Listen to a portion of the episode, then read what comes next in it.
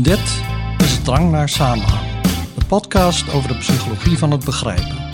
Mijn naam is Rolf Zwaan. En ik ben Anita Eerland. Het is alweer een tijdje geleden dat we het over complotverhalen hebben gehad, maar jij wilde het er vandaag graag over hebben. Maar waarom eigenlijk? Nou, er zijn eigenlijk verschillende redenen voor, verschillende aanleidingen. Er zijn wat uh, nieuwe artikelen waarvan ik dacht, uh, die zijn interessant om te bespreken. Een paar had ik een uh, aantal weken geleden al gevonden. Mm -hmm. um, en dan stond er ook iets in de krant, in The Guardian, waar ik dacht dat wel relevant zou zijn. En verder heb ik dan ook meegewerkt aan een podcast van NPO over complotdenken en een YouTube-video. Mm -hmm. En dat is naar aanleiding van een reportage die vanavond wordt uitgezonden. Alleen kunnen we hem niet zien, want we krijgen zo bezoek. Maar uh, ik heb delen daarvan uh, wel gezien. En daar heb ik dus op gereageerd in die video. Maar ik wou hier nog wat meer um, achtergrond erbij geven. En ook verwijzen naar eerdere afleveringen van onze podcast, waarin we het over die dingen gehad hebben. Ja, ik ben het uh, rijtje even kwijt, maar dat worden een hoop links in de show notes volgens mij. Ja, dat klopt. Ja, die worden wat langer dan normaal, denk ik. Nou ja, het is wel leuk om te verwijzen ja. naar die artikelen en die andere podcast en uh, de aflevering op de. Ja, op ja dat is een beetje het, het idee, ja. Dus um, ja, kijk, als je naar die video kijkt, dan zie je. De nou ja, YouTube-video, hè, bedoel je dan? Ja, de YouTube-video, ja. daar zit het in. En waarschijnlijk dus ook in de reportage, want dit komt uit de reportage. Het is een fragment uit de reportage, waarin mm -hmm. dus een meneer die een lezingen geeft over complotverhalen waar hij dan in gelooft. Uh, op een bepaald moment heeft hij het over, uh, nou ja, dat uh, maanreizen een hoax zijn. En ook de astronaut André Kuipers is een oplichter. Erger nog zelfs. Uh, en dan zie je André Kuipers in beeld en dan zegt hij: Kijk, hier is een bepaalde flikkering in zijn oog. En dan zie je duidelijk aan dat hij een reptiel is. Ja, ik had dat ja. stukje, dat fragmentje ook gezien in, in de YouTube-video. Daarin is het dus niet heel lang. Nee. Maar um, hij, hij heeft inderdaad zo'n foto ervan. Ik zag zelf eerlijk gezegd geen reptielenoog. Maar goed, je nee, kunt natuurlijk alles niet. zo interpreteren als je dat wil. En die man was zelf nogal stellig. Van, die was uh, zelf heel stellig, ja. Ik zat ja, er naar te kijken en ineens zag ik het. Ja, dat klopt. En ja. dat is natuurlijk ja, op zich frappant dat dan niemand vraagt... maar hey, uh, hoe kun je dat zo zien? Waarom is dat niet gewoon, laten we zeggen... een foutje in, de, in het videobestand of zoiets? Of uh, dat er op de achtergrond een licht verandert of wat dan ook. Ja, precies. Iets technisch. Uh, iets technisch, ja. Dan, dat wordt allemaal van de hand gewezen, want onmiddellijk wordt gedacht van... dit kunnen we linken aan het verhaal over de reptielen. Mm -hmm. Nou is dat een tamelijk bizarre theorie natuurlijk. Ja. En ik moest er ook aan denken toen ik een artikel las in The Guardian, de Engelse krant. En dat ging over complotdenken in het algemeen. Dat artikel dat verscheen een paar dagen geleden, op dinsdag geloof ik, dus ergens half juni. Mm -hmm. En de, de kop van dat artikel was: Quarter in UK believe uh, COVID was a hoax. Poll on conspiracy theories finds. Hmm. Ja, dus een, uh, een, een enquête over complotdenken vindt dat een kwart van de bevolking van uh, het Verenigd Koninkrijk gelooft dat COVID een hoax was. Ja, dat is best veel. Dat is best veel en dat is ook best wel ongeloofwaardig. En er is een dataforser die wij allebei kennen, Stuart Ritchie. Mhm. Mm -hmm. Die, nou ja, die heeft een, een boek geschreven over, over wetenschap en hij is ook zelf onderzoeker. Hij doet onderzoek naar intelligentie. Maar hij schrijft ook kritische artikelen over onderzoek. En in dit verband zei hij: Ja, er is van alles mis met dat onderzoek. Um, het overschat heel erg het aantal complotdenkers. Maar was en, dat ook waarom jij. Je zei dat is wel erg ongeloofwaardig, die 25%. Dat kwam omdat je. Ja. Omdat dat aantal gewoon veel te hoog is. Ja, dat lijkt veel mij wel. hoger dan je zou ja, verwachten. Veel hoger dan je zou verwachten. En een van de dingen die Stuart zei, is toevallig ook iets wat ik besprak met een collega toen ik alleen schaf op het Sociaal Cultureel Planbureau twee weken geleden. Toen hadden we het over precies hetzelfde. Van uh, ja, kun je die enquêtes eigenlijk wel geloven over de percentages van mensen die dan in bepaalde complotverhalen geloven? Is het niet zo dat mensen denken van uh, we vullen voor de gein in dat we geloven in een uh, volk van reptielen dat dan de aarde probeert te overheersen? Gewoon om de onderzoekers, onderzoekers een beetje te pesten. En dat zegt Stuart ook. Hij noemt dat dus ook het uh, reptiele probleem. Hij Nou. zegt, oh. het is echt niet geloofwaardig dat 4% van de mensen daarin gelooft. Waarschijnlijk uh, vullen ze dat in om uh, de onderzoekers te pesten of zo. Maar zegt hij, een groter probleem ligt nog bij de vaagheid van de vragen in, in die enquête. Mm -hmm. Want wat bedoel je eigenlijk als je zegt, COVID was een hoax? Ik vraag me trouwens af of heel veel mensen wel weten wat hoax eigenlijk betekent. En dan, uh, maar Stuart zegt dus, ja, het begrip COVID was een hoax kan verschillende interpretaties hebben, variërend van mensen die twijfelen aan de ernst van het virus tot extreme groepen die geloven dat het virus nooit heeft bestaan. Ja, want even, hoe zou jij hoax definiëren? Um, hoax zou ik uh, definiëren als iets dat niet bestaat, um, maar dat bedacht is om mensen uh, ja, bij de neus te nemen, zeg maar. Oké, okay, dus uh, COVID was een hoax. Kun je dan inderdaad zien als het virus bestaat niet? Mm -hmm. Of um, het virus bestond wel, maar wat we weten over de gevolgen was niet zo erg bijvoorbeeld. Dus inderdaad, ik probeer even te bedenken hoe je dan zo'n stelling op verschillende manieren kan interpreteren, waardoor je zo'n hoge uitslag krijgt. Ja, precies. Maar het is inderdaad niet duidelijk wat mensen bedoelen met COVID was een hoax. Ja, wat dan precies? Dat klopt. Als dat de vraag is, dan, dan is hij gewoon te vaag. Mm -hmm. Ja. Oh, hier staat dus ja, inderdaad, um, een, een hoax is een humoristische of kwaadaardige deceptie. Ja, oké. Okay. Dus dat is wat het is. Ik heb het even voor de zekerheid opgezocht. En ik denk dat de meeste mensen dan uh, uitgaan van een kwaadaardige deceptie ja. en niet humoristisch. Nee, maar dan zou het dus nog steeds zo kunnen zijn dat veel mensen die dus die vraag invullen, die geloven dat COVID een hoax was, eigenlijk dachten van, nou ja, de, de overheid heeft het veel te zwaar opgenomen of zo. Het was niet zo erg als, uh, als de overheid het deed lijken. Mm -hmm. En de interpretaties die bijvoorbeeld nu The Guardian eraan geeft, is meer van deze mensen geloven dat COVID nooit heeft bestaan. Ja, maar dat is één interpretatie van die stelling natuurlijk. Ja. Dus we weten eigenlijk niet zo goed wat mensen dan precies geloven als ze invullen ja, COVID was een hoax. Want die informatie hebben we niet.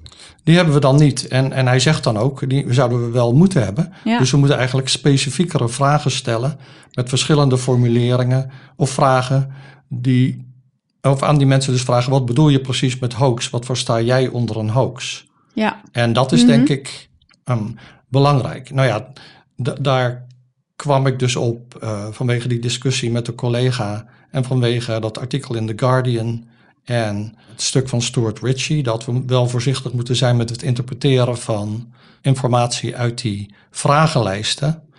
En ik kom daar straks nog even op terug in een ander verband. Het doet me ook een heel klein beetje denken aan dat onderzoek dat we zelf hebben gedaan uh, mm -hmm. toen corona nog niet zo heel lang in ons uh, land was. Toen hebben we Nederlanders gevraagd naar hoe zij over corona dachten. En ik weet nog dat we toen bepaalde stellingen zelf dus moesten bedenken. Ja. En dat dat heel lastig is, omdat je niet precies weet als jij iets zegt van... Uh, het ging volgens mij over symptomen en wat, je dan, wat we dan al wel wisten en wat nog niet. Mm -hmm. Maar als je zoiets hebt als... Um, uh, COVID leidt tot ademhalingsproblemen of zo. Ja, bij de meeste mensen wel, maar niet altijd. Of uh, ja, het is gewoon heel lastig om goede stellingen te bedenken. Ja. Waardoor je de informatie krijgt die je wil hebben als Ja. onderzoeker. En dan bedoel ik niet dat, dat je de uitkomst krijgt die je wil hebben, maar dat je de juiste informatie krijgt op basis waarvan je een conclusie kunt trekken. Ja, dat klopt. Dat is nog niet zo eenvoudig. Want Nee. kijk, als je zo'n vragenlijst maakt, dan moet je met allemaal dingen rekening houden. Ehm, zijn mijn vragen begrijpelijk? Mhm. Maar ook me- vooral meten ze wel wat ik wil meten. En wordt mijn vragenlijst niet te lang, want dan gaan mensen op het laatst ongeduldig worden en maar wat invullen. Dus je moet met best wel veel dingen rekening houden.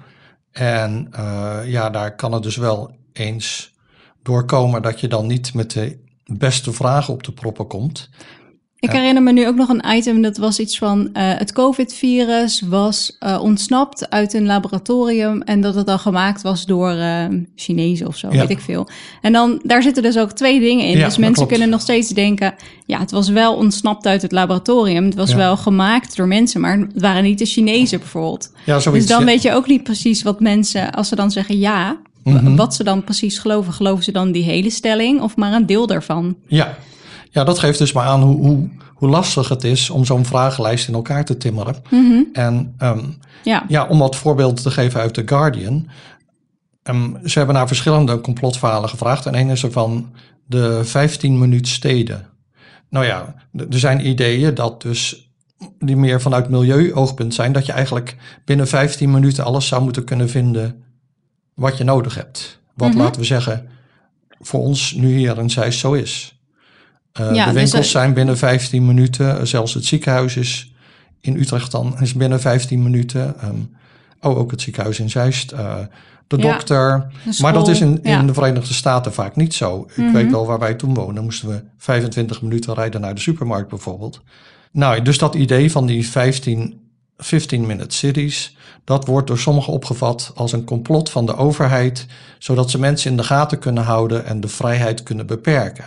En volgens The Guardian gelooft daar dus 12% van de Engelsen in. Die denken dat dat absoluut waar is. Of mensen in het Verenigd Koninkrijk, hè, dus ook Schotten en eh Noord-Ieren enzovoort. Ehm 21% denkt dat het waarschijnlijk waar is. Dus dan zit je al aan 33%. En 17% die weet het dan niet. En 26% denkt het is absoluut niet waar enzovoort. Maar dan denk je wel van, kennen al die mensen dan eh, dat complotverhaal ineens van de 15 minuten steden? En eh, hè, dat is al een beetje ongeloofwaardig dat zoveel mensen ehm, dat dan zouden kennen. Ja, en het gevaar, of eh, nou niet het gevaarlijke, maar in dit geval is het ook zo dat dat soort steden dus bestaan. En dat de overheid ehm, die aan het ontwikkelen is of Ja. daar interesse in heeft. Dus een deel van die stelling klopt dan ook. Maar Mhm. eh, het gaat dan alleen om de reden die erachter zit. Dus waarom wil de overheid zulke steden? Nou ja, Mhm. dat kan vanuit milieu-oogpunt zijn. Dan zou je zeggen dat is dus geen complot. Nee, Maar als je denkt, ja, dat willen ze zodat ik. eh, eh, zodat, om mijn bewegingsvrijheid in te perken. Want dan heb Mhm. ik geen reden meer om binnen een straal van 15 minuten eh, van mijn huis te zijn. ja, Dan wordt het ineens een complotverhaal. Ja. Dat is ook wel tricky, omdat hij dus wel Ja. deels klopt. ja, ja, dat is ook zo. Ja. Voor, voor sommige mensen maakt het niks uit. En voor anderen wel. Als jij, nou ja, ik bedoel, eh, waar we hadden het daar niet eerder eh, over in een eerdere aflevering, dat als je op het platteland woont, dan zie je allerlei dingen verdwijnen. Mhm. Ja. Eh, de bus rijdt niet meer naar jouw plaats, een politiebureau is weg, de supermarkt is weg. School sluit. Dus, dus jij hebt precies het omgekeerde. Je moet steeds verder ja, om dingen te doen. En, eh, dat zou ook een complot kunnen zijn misschien. ja. Van de Nou, overheid. nou ja, ja, dat mensen dat denken, niet jij, hè, hoop ik. Nee. Maar ehm, ja, dat is wel eh, een dingetje waar de overheid wat meer over zou kunnen nadenken als je het mij vraagt. Maar goed, dat is even niet, ehm, zeg maar, onze rol als eh, psycholoog. Dat is meer eh, onze rol als bezorgde burgers. Dat ik wel denk van, onze overheid speelt wel complotdenkers vaak in de kaart. Mhm. Ehm, maar goed, andere dingen uit die video's zijn, eh, waarom zijn mensen complotdenkers? Nou, ik, in die podcast eh, reageer ik erop en ook in de video, links in de show notes. Dus die podcast, die aflevering heet het complotbrein. En daar heb ik het dan over waarom zijn mensen complotdenkers. We hebben het daar natuurlijk ook over in onze eigen aflevering complotverhalen. Mhm. Aflevering 9 geloof ik. Oeh, Ehm, dat is lang geleden.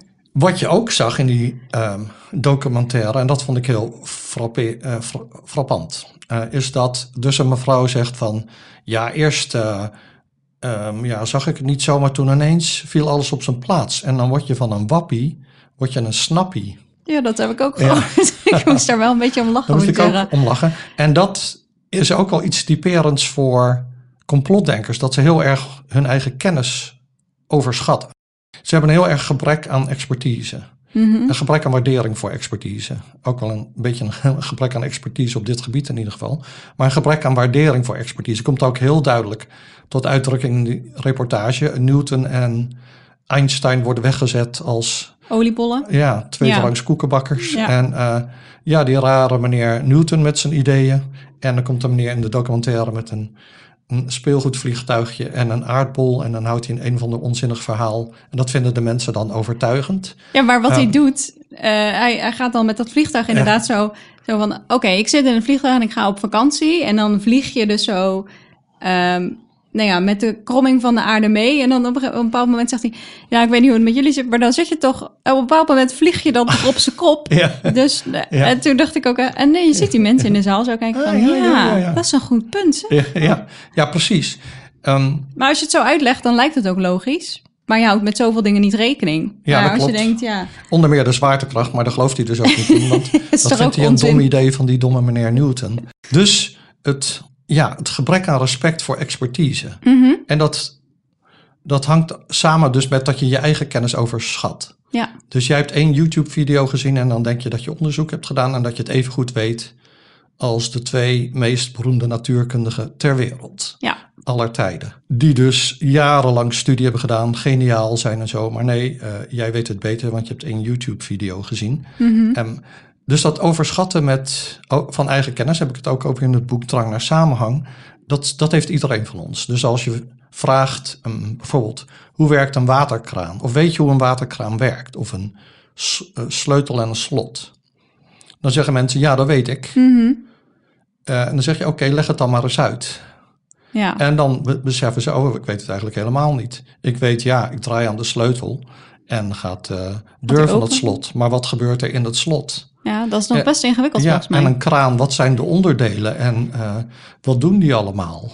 Als je dus geen loodgieter bent, dan weet je dat meestal niet. Is dat ook als je mensen vraagt om een fiets te tekenen? Dat je denkt, oh ja, ja. makkelijk, dat kan ik wel. En dan krijg je echt de meest... Onzinnige dingen. Ja, Ja, dingen klopt. die helemaal niet kunnen, zouden kunnen rijden. Nee, dan hebben ze dingen inderdaad waar dus de, een soort as loopt van de trapper naar het voorwiel. Maar als dat Ja. zo zou zijn, zou je dus niet kunnen, aan je stuur kunnen draaien. Precies. Ik denk dat ik ook schuldig ben aan zulke tekeningen hoor. Ehm, ja, en dat gaat er ook. eh, dit is dus wat we allemaal doen. Het heet dan ook the illusion of the overestimation of explanatory depth. Dus ehm, eh, je overschat de, zeg maar, de diepte van de verklaring. Nee, je onderschat dus.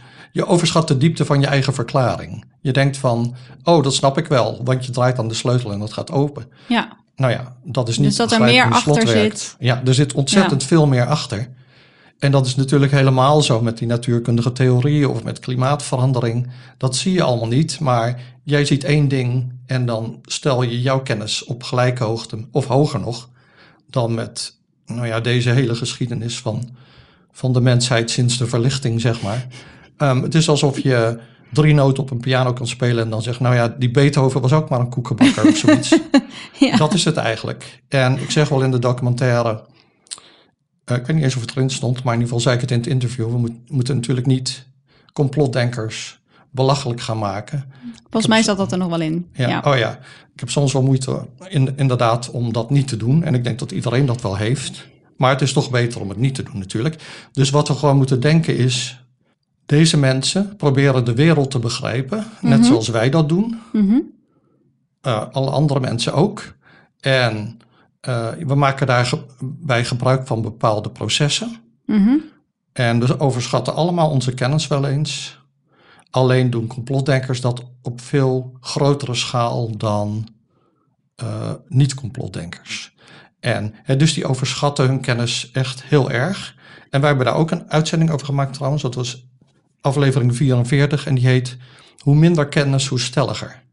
Dus dat, dat blijkt uit onderzoek, wat we daar bespreken. Mhm. Dat dus mensen Ja. die minder weten van een onderwerp hun eigen kennis enorm hoog inschatten. Maar als je ze dus test, dan blijken ze eigenlijk niet zoveel te weten. Ehm, nou, Ja, dan. En mensen die dus wel echt een expert zijn op een bepaald gebied, die weten ook hoeveel ze niet weten en zijn daardoor meestal Ja. meer genuanceerd. Dat is het vaak. Ja. Je weet wat je allemaal niet weet. Mhm. En dan ben je genuanceerd, maar dat wordt door sommigen dus dan uitgelegd als zwakte, zeg maar. Ja, van je weet, het, je weet het ook allemaal niet, hè? Nee. Of niet allemaal. En wat Ja. ik dus ook, eh, nou ja, dat is ook tekenend dat in de reportage de presentatrice zegt over bronnen. En dan Mhm. beginnen ze allemaal, oh, wat een onzin en zo. Ja, dat En- was denk ik het slechtste wat ze had kunnen zeggen. Ja, terwijl ik denk van, ja, hoe wil je anders ehm, kennis vergaren als je niet gebruik kunt maken van betrouwbare bronnen? Ja, En, eh, ehm, en het is niet dat deze mensen, laten we zeggen, de wetenschappelijke literatuur gelezen hebben en toen gedacht hebben van, oh nee, dat is, eh, dat is niks. nee, ze hebben Ze het niet horen gelezen, dat van iemand anders. Maar Ja. Dus hetzelfde als met Beethoven. Je speelt drie, drie noten en dan denk je van, Nou, dat uh, Furelise, dat stelt ook niks voor. Zeg. um, dat kan ik beter. Ja, nou vooral dat. Ja. Ik, weet het, ik weet het beter, of zo. Ja, ik weet nog wel... toen ik net gitaar begon te spelen, had ik iets gehoord van Eric Clapton. En daar speelde hij iets langzaams. En ik kon sneller spelen dan dat. Dus toen dacht ik van, ik ben de beste gitarist ter wereld. Want dat is Eric Clapton, maar ik speel nu sneller. Nou, Ten eerste even. is snel spelen totaal geen uh, uh, karakteristiek van goed gitaar spelen. Nee. En ten tweede speelde ik helemaal niet snel. En dan had ik toevallig een heel langzaam stukje van Eric Clapton. Ja, maar ja, goed, ik was twaalf of zo. Ik wou net vragen, hoe oud was je? Twaalf. Oké, dan kun je nog wel ermee wegkomen, denk ik. Ja, precies. Maar, maar dat, dat is een beetje wat ik hier ook zie. Dus dat je niet je eigen onvermogen inschat. Nee, um, nee want ze zijn van, toch kijk mij eens even. Ja. Dus zij weten het allemaal al. Ja. Zij zijn wakker. Ja. Nou ja, en dan ook wat ik super frappant vond, en dat heb ik eigenlijk nog nooit eerder ergens gehoord of gezien, is die meneer in de reportage. Ik had daar dus een voorfragment van gehoord, dus ik hoop dat het in de tv-reportage zit, die we dus nu niet kunnen zien. Um, die zei van 9-11, um, ehm, de die, die torens, de eerste toren viel in 9 seconden en de andere in 11 seconden. Mhm. Dat is toch geen toeval? Ja. Ten eerste is dat dus niet waar. Ten tweede is het, hm, zou het absurd zijn om, uh, dat is onmogelijk om dat zo, uh, laten we zeggen, ten uitvoer te brengen natuurlijk. Ja, dat je denkt, laten we een signaal geven. Dat doen we op 9-11 en dan laten we twee, twee torens instorten. En de een doet er 9, seconden over en de ander 11. Als je dat zou willen, zou dat echt niet lukken, denk nee, ik. Nee, natuurlijk niet. Maar dat is dus een voorbeeld van wat ze noemen patronicity. En dus mensen die overal op zoek zijn naar patronen, die overal diepere betekenis in zoeken. En daar hebben we het natuurlijk ook al over gehad in onze. Ja, daar kwam ook al bekend voor. Mama Appelsap uitzending, wat volgens mij. Nee, ik zeg al uitzending de hele tijd. Aflevering. Maar ik bedoel aflevering. Ja. Um, dus dat is die aflevering, en dan gaat het over, um, even kijken, het gaat over pareidolia, wat wij allemaal hebben. Dat we dus, uh, nou ja, we zien een gezicht van een oude man in een boomstronk of zoiets. Of een uh, Jezus in een uh, geroosterde boterham. Ja. En, um, zoiets. Of, Gezichtjes in een, in een wekker of zo. Of... Nou ja, en die, de aflevering heet Mama Appelsap. Ja. En dat is natuurlijk het fenomeen ja, waarbij je um, in een songtekst uh, een bepaalde boodschap hoort. Dat hoeft dan geen, uh, geen spannende boodschap te zijn, maar je hoort daar woorden in die niet gezongen of gezegd worden. Ja, dus we zijn allemaal op zoek naar patronen natuurlijk. En dat is dan een, iets wat we dus allemaal hebben, maar sommige mensen voegen dat dan ook weer, uh, voeren dat extreem uit. Nou, je, we hebben het dan gehad over Wie is de Mol, hè, waar, waar mensen dat constant doen. Alles, ja, ja, Alles heeft een uh, dubbele betekenis. Als iemand een uh, kleur t-shirt aan heeft, dan heeft dat al een bepaalde betekenis en zo. Mm -hmm. En dat is op zich, vind ik, een heel interessant fenomeen. Uh, en daar heb je ook weer nou ja, hele extreme vormen van dus. En dat zie je dan bij die complotdenken. En dit van die 9,5 seconden vind ik haast het wereldrecord apofenie. Hmm, ja, dat je dat dan echt zelf gelooft. Ja, dat denk ik bij heel veel van die dingen natuurlijk. Ja, ja, ja dat, denk, dat, dat, dat is inderdaad waar. Dat denk maar dat is dus het probleem, want het maakt het zo moeilijk om je te verplaatsen in, in mensen die daarin geloven. Ja, maar kijk, wat toch, en dat is, um, ik, in de aflevering zeg ik, er zijn drie redenen waarom complotdenkers uh, complotdenkers worden, of mensen mm complotdenkers worden. De eerste is, mensen willen een stabiel beeld van de wereld hebben.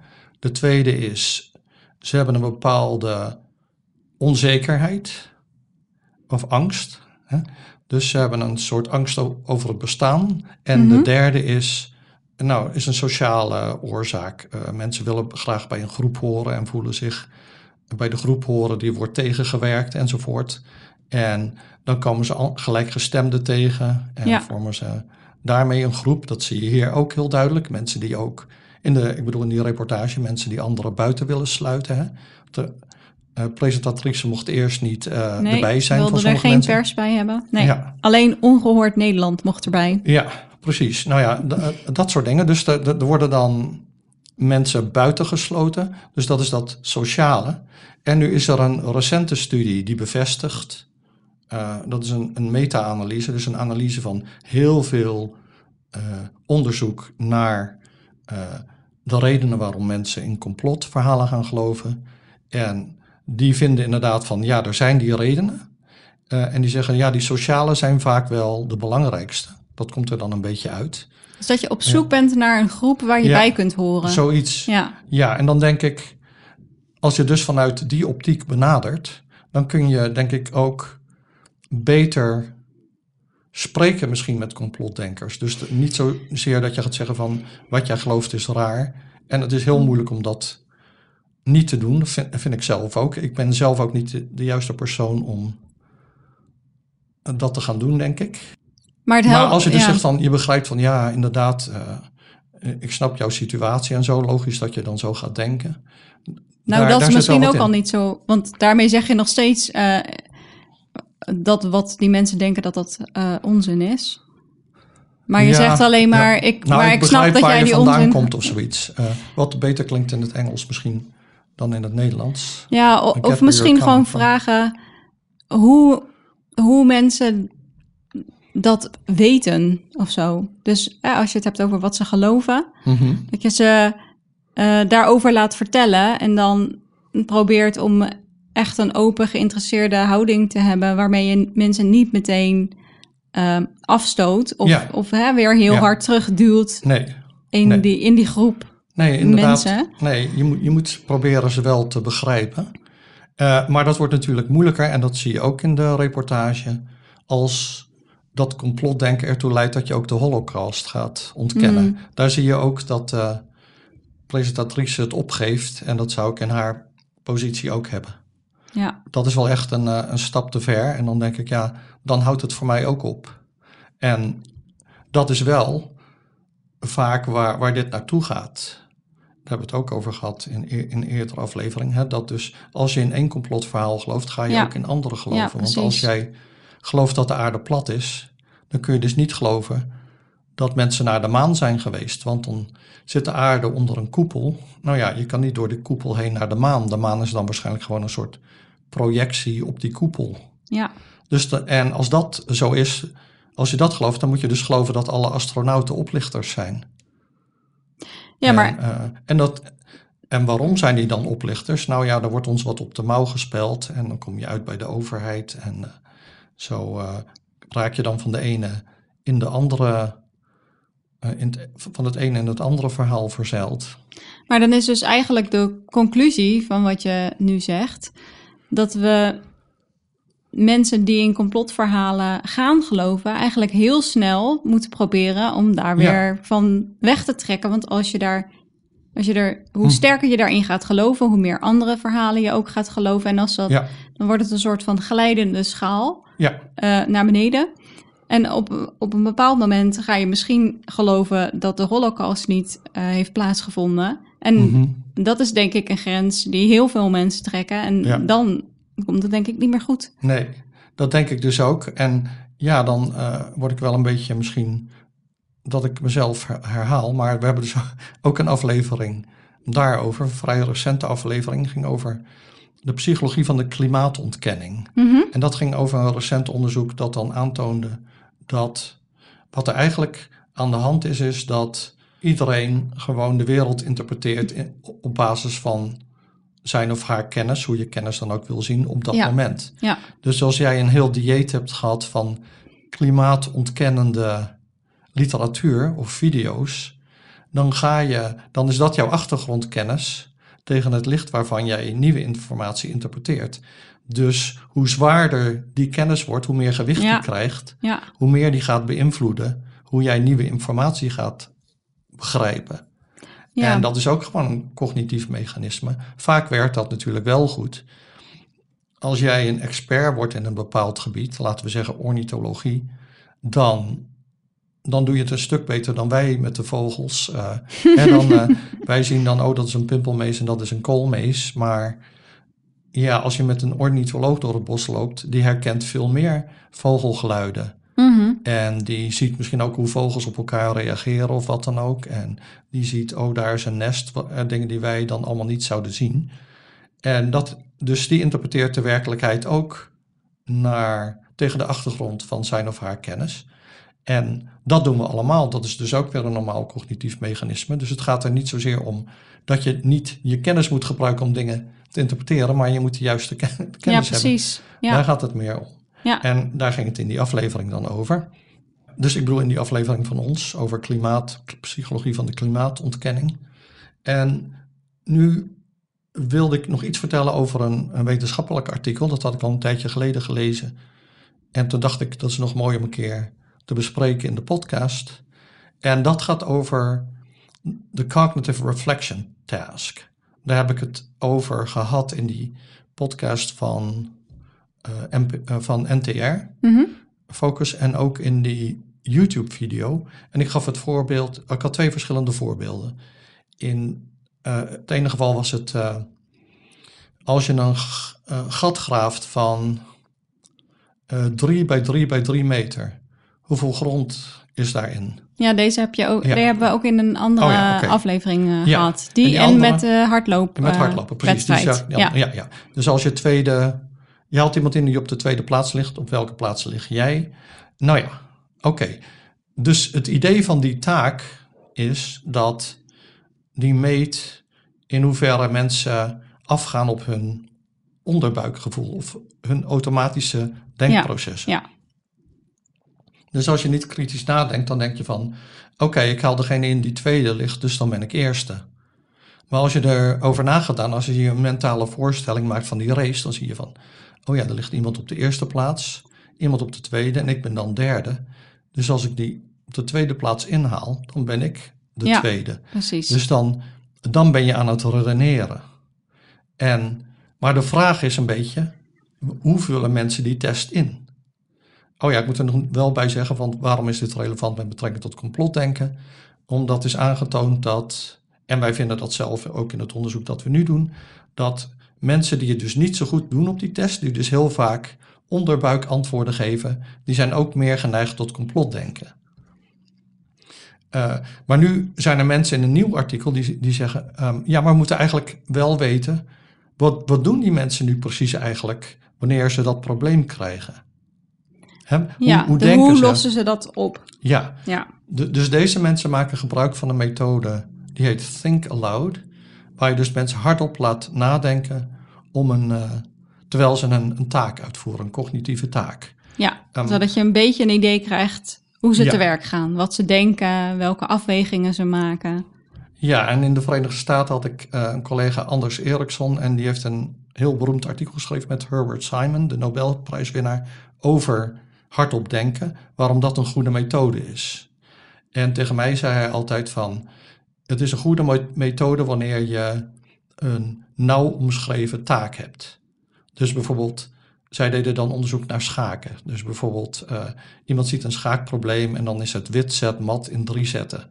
En dan moet iemand hardop gaan denken, zoiets van, nou ja, ik zet de loper op F5 en dan geef ik schaak en uh, dit en dat enzovoort. En ze denken dan hardop en dan zag je dus dat experts uh, anders nadachten dan niet-experts. Experts uh, bekeken geloof ik minder mogelijkheden dan, uh, die hadden al vrij snel de, de goede mogelijkheden te pakken. Ja. Zoiets was het. Maar goed, dat doet er eigenlijk niet toe in dit verband. Maar dus dat think aloud is daarvoor wel bruikbaar. Het is niet bruikbaar voor dingen zoals uh, je laat iemand een verhaal lezen en je wil weten hoe die het begrijpt. Want dan gaan, en je zegt denk maar hardop, want dan gaat dat hardop denken heel erg uh, beïnvloeden hoe mensen gaan begrijpen. Ja, dat, dat- interfereert te veel Ja. met de taak. Ja, maar Ja. dat is dus niet zo, zeggen Erickson en Simon, als de taak uh, nauw omschreven is. Nou ja, dat is hier eigenlijk ook wel zo met die problemen. Hè? Dus als jij als proefpersoon de vraag krijgt van, jij zit in een race en als jij degene inhaalt die op de tweede plaats ligt, op welke plaats lig jij dan? En dan moeten ze dus hardop gaan op, uh, nadenken over hoe ze dat oplossen. Ja, En dat kan dus wel. Ja, en dan zijn er dus vier mogelijkheden. Ehm, de eerste is dat je dus inderdaad eh, het juiste antwoord geeft en dat je dat eh, doet op een beredeneerde wijze. Dus dan zeg je bijvoorbeeld, oh, eerste natuurlijk. Oh, oh nee, nee, eigenlijk tweede. Hè, dus dan heb je jezelf eigenlijk nog net ge- eh, op het... Ja, eh, je, Ziet, je ziet daar eerst het automatische eh, proces. Ja. Dus dat je denkt eerste, maar dat je Ja. dan met- meteen even op de rem trapt. Ja. eigenlijk nadat je het antwoord al hebt gegeven. Maar goed, en dan denk wacht even, klopt het wel? En dan ga je het je misschien voorstellen en kom je tot de conclusie dat je dan tweede bent en niet eerste. Ja, nou dat is dus wat je eigenlijk wil meten. Of mensen dat doen. Ja. Dat ze dus daarna denken. Maar er zijn ook mensen die, die zeggen gewoon meteen tweede. En die hebben er verder helemaal niet, lijken er niet over nagedacht te hebben. In ieder geval rapporteren ze dat Ja. niet. Nee, nee, want ze denken daar niet hard over. En dat is ongeveer 20% van de mensen die dus het correcte antwoord hebben. Die lijken dus niet reflectie te tonen. Die, die geven gewoon automatisch het juiste antwoord.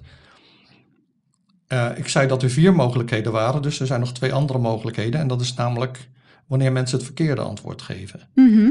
En dan, als ze de- dus het verkeerde antwoord geven en er niet over nagedacht hebben, dan zeggen ze alleen maar eerste. Hè, dus, Ja. nou, niet over nagedacht. Dat, is, eh, dat doet ongeveer 72% van de proefpersonen die het fout heeft.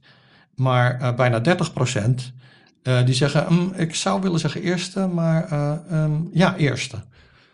Ja, dus die lijken er wel over nagedacht te hebben en geven dan toch het verkeerde antwoord. ja, dat is interessant. Ja, want dan is de vraag, wat, wat wil je nu eigenlijk meten? Nou, je wil meten of mensen reflectief zijn of niet. Ja, En dan, en, maar je wil eigenlijk ook weten of ze het correct hebben. Dus ik zou me kunnen voorstellen dat op basis van eh, deze test, of misschien moet je hem dus, moet je mensen altijd hardop laten denken, dat je alleen maar, dat je dus bij, eh, alleen bij de mensen die dus het correcte antwoord hebben en erover nagedacht hebben, dat je daar zegt, oké, die zijn reflective. En ehm, die anderen zijn er of ingetrapt of hebben het toevallig juist. Maar toevallig juist hebben betekent niet dat je dus. eh, dus niet.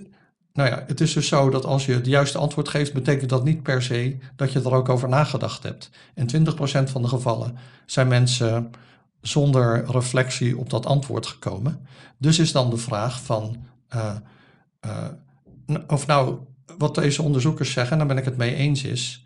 Ja, eigenlijk is dus die, die taak, die cognitive reflection taak, die wel degelijk samenhangt met complotdenken, Mhm. correlatie van tussen de punt 3 en de punt 4 of zoiets, ehm, die zou dus, je zou dus een beter meetinstrument hebben als je dit onderscheid kun, kon maken tussen mensen die erover nagedacht hebben en het juiste antwoord hebben, mensen die er niet over da- nagedacht hebben en toch het juiste antwoord hebben en die andere twee eh, groepen. Als je dat meer kon uitsplitsen, dan kun je denk ik nog beter voor, eh, wordt deze taak een nog iets betere voorspeller van of mensen eh, complotdenker zijn of niet.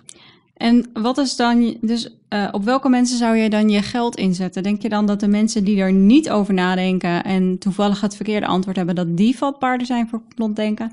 Of de mensen die er wel over nadenken en dan ook tot het verkeerde antwoord komen? Ja, dat, dat is een goede vraag. Dat zou nader onderzocht moeten worden. Want ik, ik, ik zit te denken dat de mensen die er dus wel over nadenken en dan het verkeerde antwoord geven, ehm, dat zijn niet zulke goede nadenkers dan, eh, zou ik denken. En dat En- geeft ook aanleiding om te denken, om, Ja. of om misschien te overschatten hoe goed jouw antwoord is, omdat je denkt, Ja. ja, ik heb er echt over nagedacht. Ja. Ja, maar dat is dus wel zo. Ze hebben een eerste ingeving. Ik zou willen zeggen eerste. Hm, ja, eerste. Dus het, dat is een ingeving. En dan testen ze die op de een of andere manier in hun hoofd. En dan zeggen ze, oh ja, dat is de goede. En die andere twee, die toevallig goed hebben, of denken we dan, hè, toevallig goed, misschien niet hoor.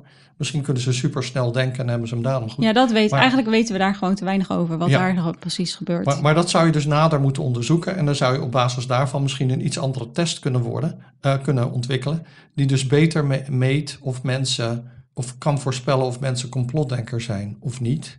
En ik denk, Of daar vatbaar voor zijn misschien. Ja, dat is eigenlijk vatbaar. nog handiger. Want Ja, dan kun je klopt. preventief... ja, cognitieve antecedenten zijn het ook. Hè? Dus ja, inderdaad. Ja, Ja, en dan, want wat ik nu denk dat deze test meet, is deels intelligentie. Misschien deels ook ervaring met dit soort eh, vragen. ja, ja. En deels, en de meer intelligente mensen hebben misschien meer ervaring mee, want die hebben dit soort testjes, zijn ze al vaker tegengekomen. Nou ja, en dus ook wel reageren op het onderbuikgevoel. Mhm. Maar je kunt ook intelligente mensen hebben die dat doen.